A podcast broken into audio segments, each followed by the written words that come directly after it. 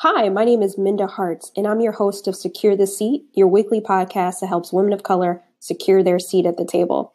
And I'm so happy that you're with me. Every Wednesday, we have a new episode, and this Wednesday is no different. Thank you to all those who have left an Apple rating. I checked out the rating, and in the last week, we had a surge. So I'm really thankful to each of you that have took the time to go to Apple Podcast and leave a rating. Um, it means the most to me. My goal, just so you know, I know we talk about securing our seat, but I want to have a hundred reviews, positive reviews, uh, by the end of the year. And so there's a couple months left in the year, and I want to be able to secure my seat in that podcast land because I want to signal to Apple and the powers that be that women of color we're out here, we're securing these seats, and that career content and information and tools are important topics of conversation. Diversity and inclusion isn't something cute that we're just doing and saying because it sounds good. We're about equity, and that's the main thing. So, thank you for those who shoot me DMs, emails, uh, connect with me on Twitter or LinkedIn. Much appreciated. I try my best to be responsive to, in some way, shape, or form to everybody. And for those who have not had a chance, please go to mindaharts.com and sign up for the Women of Color Equity Initiative.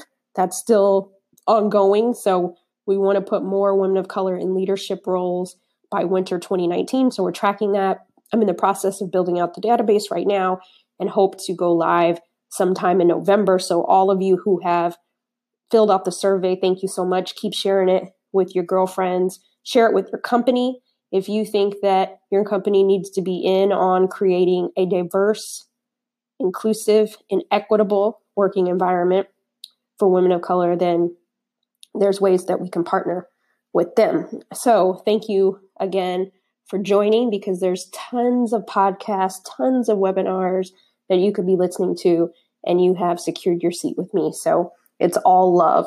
So today, I actually want to take a pause and have another one of my heart to hearts. As I mentioned in previous episodes, um, a couple times throughout each season, I'll just have kind of a freestyle where I want to share with you what's on my heart because I think as we secure our seat, it's important that we have a moment to pause and reflect and have a moment together. And a couple of things that I want to address before we jump into my topic today is some wins. So, what are you manifesting right now? What are you putting out there? What have you been planting in the ground, so to speak? Those seeds that you've been sowing and you're waiting for harvest. What are those things that you're hoping to manifest? Um, I'm sending you good vibes because as we sow our seeds, we are expecting a harvest. I hope that you're expecting your harvest before the end of the year because I know I am. And a couple of wins that I want to celebrate is a good friend and mentor, Keisha Jeremie. She is the founder of Sanaya Applesauce. Make sure that you go check her out. This past Sunday on Shark Tank, she was on there and she won. She is being funded by Mark Cuban for her applesauce. So make sure that you go to Sanaya Applesauce. It's not your mama's applesauce. It's not your child's applesauce.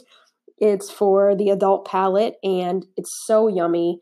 Uh, so please go and do that. I think I've I've been telling everybody I know to go and buy the sauce because it's so good.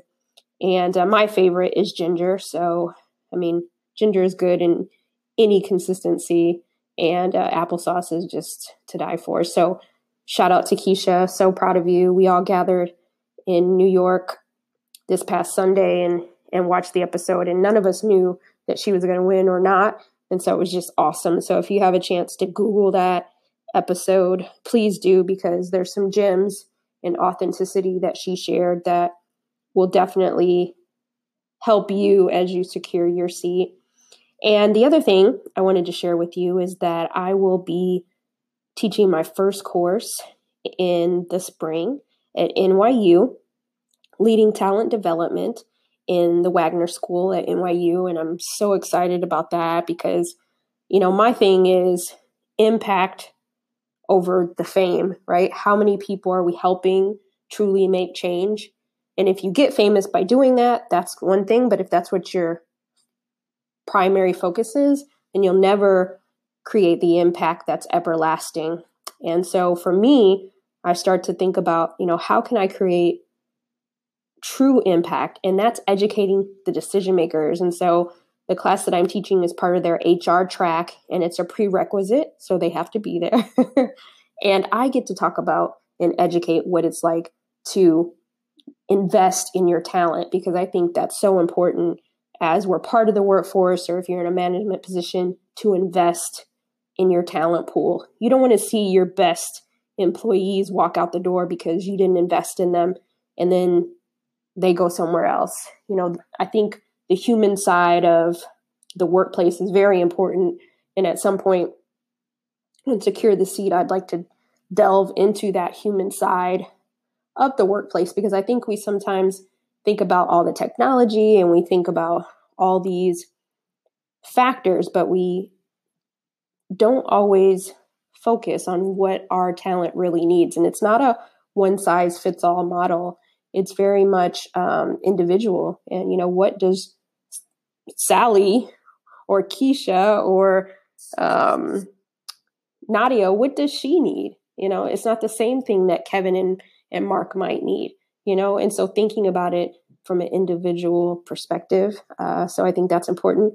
Also, there was an article written in Fast Company called um, Women of Color. Uh, go to Fast Company. I'm like, I don't even remember what the name of it was. Uh, but it's a Fast Company article that I'm very proud of, and a good friend wrote it. And um, Shout out to Brittany Oliver, who was a guest on my podcast a couple of episodes ago. So make sure that you listen to to hers. But I had the opportunity to discuss why leaning in doesn't work for us, how the book Lean In didn't work for us.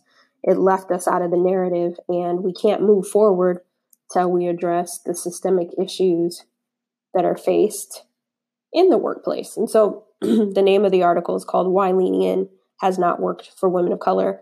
I'll leave that at mindaharts.com in the show notes. So if you haven't had a chance to read it, I'd love to hear your thoughts on it and if you felt like Lean In worked for you. But what I talk about in the article is that I'm glad that Sheryl Sandberg did crack the door open to talk about what it's like to lean in. But there's another side of that, what it's like for us to lean in, because we've been leaning in from day one, and it hasn't always worked out for us. Um, but that doesn't mean that there are other ways to press forward, but we can't really move forward till we address some of the issues that are systemically embedded in workplace culture because, you know, 54 years ago, the jobs that black and brown women could have would would not allow us to hold some of the positions that we're in today. And so we're asking to advance us in a system that was not created for us, you know, and there's a lot of leaders that don't want to address race in the workplace. And I think true leadership is going to have to address these issues. You just, we cannot sweep them under the rug. But that is not what I want to talk about today. so, but go read the article on Fast Company and let me know what you think. The best way to connect with me is on LinkedIn or Twitter. I'm most active on Twitter at Minda Hart. So let's connect there. But on today's episode, I want to talk to you about your who, your WHO. And you're like, what is that? And uh, your who is important because sometimes we're often concerned about the people that are not supporting us and not focus on the ones that are. So you might have your mom or your dad or your spouse or partner or your friends who are invested in your success. They root for you, they share everything, they are your rah rah cheering section. And all of that is all good. And sometimes we don't bask in the fact that we actually have a cheering squad. You know, there's some people out there right now that wish they had just one person who was rooting for them, who was invested in them. And oftentimes we're so consumed with who isn't supporting us. Why isn't this person um, interviewing me? Why isn't this person advancing me? And so we put all of this energy into who isn't supporting us instead of who is supporting us. And I thought it was important to to talk about your who because you want to invest in the people that are invested in you just as much as their investment, right? So it has to be reciprocal. It has to be. And so w- when I think about this for myself, a couple of years ago, just to kind of make it more real for you, a couple, about two years ago, I think it was, going on the second year, I had the opportunity to go back to uh, my hometown and I did four talks in that town. And I was really excited because this was the first time that I had a, the local newspaper did a story on me. I think it was on the front page. And so I came back and, and did a talk at the Chamber of Commerce and the local community college and my godson's second grade class at the time and I, another place uh, that's slipping my mind right now. But a lot of my family members on a certain side of the family lived in this town. And I had all these four talks and they went well. And so did my talks. Not all of my family that could have showed up. Of course, my parents and um, those who I consider family did come, but there was a big chunk of my family that did not come. And I remember sitting at O'Hare Airport and I was like in my feelings, like the remix of the Drake song. and uh, I was so mad about the people who lived like 10 minutes from where I was speaking who couldn't be bothered to show up, couldn't be bothered to text me to say, hey, we're proud of you, blah, blah, blah, blah, blah. And I was so upset. and I like to the point where I think I had like tears in my eyes, you know, sitting in O'Hare Airport, real on pathetic mode, because I started focusing on who wasn't there instead of who was there.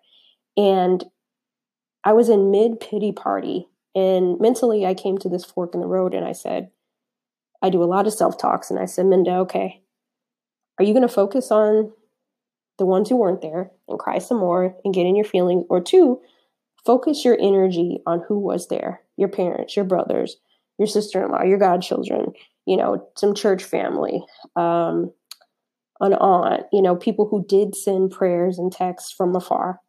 When I looked out into the crowd, seeing them smiling at me and me being able to smile back was everything. So, what's the moral of the story? Focus on your who. Um, because we live in such an echo chamber on the internet and different things, you're like, well, why isn't anybody paying attention to me? Blah, blah, blah. But if you're lucky to have one person that's paying attention, then that's all that you need. And so I want to share with you three ways about focusing on your who. So the first one is protect your heart. And I think this is important because sometimes we want so badly for everyone at work to like us or the other parents at the PTA group to accept us. And the bottom line is that isn't realistic. No matter how nice you are, if you know that some people in your life are not supporting you, they're not for you, stop giving them the opportunity to disappoint you. If they've been disappointing you in the past, chances are they will continue to disappoint you. You only get one heart. Don't let others continue to break it. And so you have to protect your heart. Like Andre 3000 said, keep your heart three stack, keep your heart, you know? And so we allow people to continuously disappoint us when we know that that's who they've always been. And if I look back on certain situations, I probably shouldn't have been surprised that those people did not show up. Um, number two, it's not about the numbers. We all have those people in our cheering section that want nothing more for us than to see us win. Like I said, if you even have one person in your section, you're doing well. So don't focus on the number of supporters, focus on who is supporting you. Um, this was a hard lesson to learn, but it helps me better guard my heart. You know, and also make sure that they know how much you appreciate them. Be sure to be in their cheering section too when they look out on the crowd. It's not just about our who, but be someone's who as well. I'm sure that there's people in your life right now that you could step up for and you could be their who, right, in times of need. And then number three, leave your petty party. Uh, there's a line in a Drake song, uh, Redemption, and it, and it goes redemption's on your mind when you think about me. And, you know, I can't lie and say that I didn't have a few choice words in my head when some folks that call themselves friends and family didn't show up. You know, I stopped myself from being obnoxious and petty and realized that some people are just who they're going to be. But I can't stop being me because someone else's decisions. You know, I'm not a bitter person and I'm not going to become one. You know, so finding redemption for these people isn't always necessary. And as our former First Lady said, when they go low, we go high. And so it, that's important just to leave the petty party because the longer that we sit in that, the worse we become, right? Those people are going to be who they are. And it goes back to focusing on your who. And, you know, let's keep it 100% real. Sometimes it hurts when those people that you expect to be there for you are not there. Sometimes it hurts when the obvious people in our lives are not there cheering us on. Looking back, though, those people probably were never there to begin with. Sometimes we want things that we know will end up disappointing us. And over time, we can only blame ourselves for the damaged heart. So we have to learn to be good to ourselves and focus on our who. And I felt like it was important to talk about this because we're out here in these streets, killing it, slaying it, sometimes not killing it, slaying it, depending on the day of the week, right? And community is so important. And I, I think that if you have one or two people that are there for you, rooting for you, then that's all you need. All you need is a is a is a good handful. All you need is one. You know, the difference between um maybe your goal right now is that opportunity, right? You don't need 10 opportunities to get you to your goal. You need one opportunity to get you to your goal, the right one. And so just focus on the people that are there for you. And I think that oftentimes we are being unrealistic with our expectations because we're not managing our expectations. We often want people to support us, and um, they're not obligated to do that. And so, and that's a hard pill to swallow, right? It's not an easy one. But the silver lining to this is there are people in your lives. And if you feel like you don't have that person or those people, make sure that you get connected with groups, communities. Uh, if you haven't been to the company I run with my co founder, Lauren, the memo, go to myweeklymemo.com. There's a community of women. We have a Slack group. We have weekly tools to help you get connected, stay connected. And so all it takes is one. And so if you're thinking about all those people that aren't, let it go and focus on the who or finding your who, because I think that we don't need the distraction. And I look back on those two years ago in the Ontario, um, I'm sorry, the O'Hare Airport, and I just shake my head because I just shake my head. You know, sometimes you just have to shake your head at yourself because we get down these rabbit holes. And um, and it was a, a very much a lesson learned that day. And ever since I changed my mindset, I know I talk about mindset, but it's so important because when people don't show up or they don't do what I think they should be doing, it doesn't stop the show for me. And it's been especially in entrepreneurship you know people that you've showed up there for and then they don't show up in return for you that's hard. That's a hard pill to swallow. But the sooner you learn it the easier you'll be able to cope with it. Then you don't stay in that space because if you take that energy and let it fester then it's only blocking your blessing. And so i hope you get something out of what i'm saying about focusing on your who and being there for those people when they need you to show up, that you show up. Uh, again, securing our seat is not just about us, but it's about the collective, how we can be there for other people as well. So, love to know your thoughts about today's episode. Shoot me a message. My email is minda at mindaharts.com, so you always have access to me there. And then also on Twitter, where I'm most active at Minda Harts, but I'm at Minda Harts on all platforms many of you have found me. and if you like Secure the Seat, you like what we're doing, you're about that life, please go to Apple Podcasts or wherever you're able to rate this and give us a rating because it's important, again, like I said. And I hope I want to know, I want to hear from you how securing your seat is going. What are some future episodes that you'd like for me to cover? We have a couple of really amazing episodes coming up. Uh, I think this whole season has been lit, actually. And I can still use lit. You know why? Because I was on a college campus a couple weeks ago and I heard two young men say something, something was lit. And they said some other words after that that I cannot say on this podcast. And so I actually had this like cheesy Kool Aid smile on my face because I'm like, oh, lit is still a word. Lit is still, I can still use that. If the young kids are using it, then it's still something I, I don't use it in my vocabulary a lot, but I don't feel like the old auntie using it right now. So, uh, yes. so, again, thank you for your support. Next week, we'll be back here again. But before I leave, you know that I am a lover of grits and rap lyrics.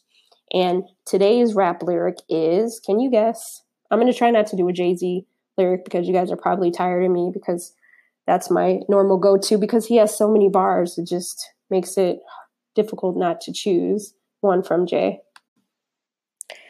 So, the verse that I'm going to go with today is actually my brother. Shout out to Michael Harts. Uh, he has a line in a song that he did maybe about three, four years ago. It may even be longer than that. But he says, Every day that I wake, every day that I get is a new, fresh 24 on the shot clock. And when I think about our day, like a basketball analogy, we get that 24 hours, 24 seconds on the shot clock. Today might not have been your day to secure the seat, but tomorrow you get a whole new 24 on the shot clock. Don't squander it. Don't get nervous about it. Go for it. Every day that you wake, every day is a new shot, a new 24 on the shot clock. You get to do it all over again. And so, regardless of what the situation might look like today, know that you will get to that seat. You will build the table and um, secure your seat, and you'll you'll reign supreme. And so, I just encourage you to keep pushing. What does secure the seat mean to me? It means what we're doing every Wednesday is providing each other with the resources and the tools to legacy build. And legacy building is creating more seats for each other at the table in a workplace that was not created for us to succeed. And uh, we're coming for those seats because it's all about equity. Again, thank you for joining me for this week's Secure the Seat, your weekly podcast that helps women of color secure their seat at the table. Have a great rest of your week.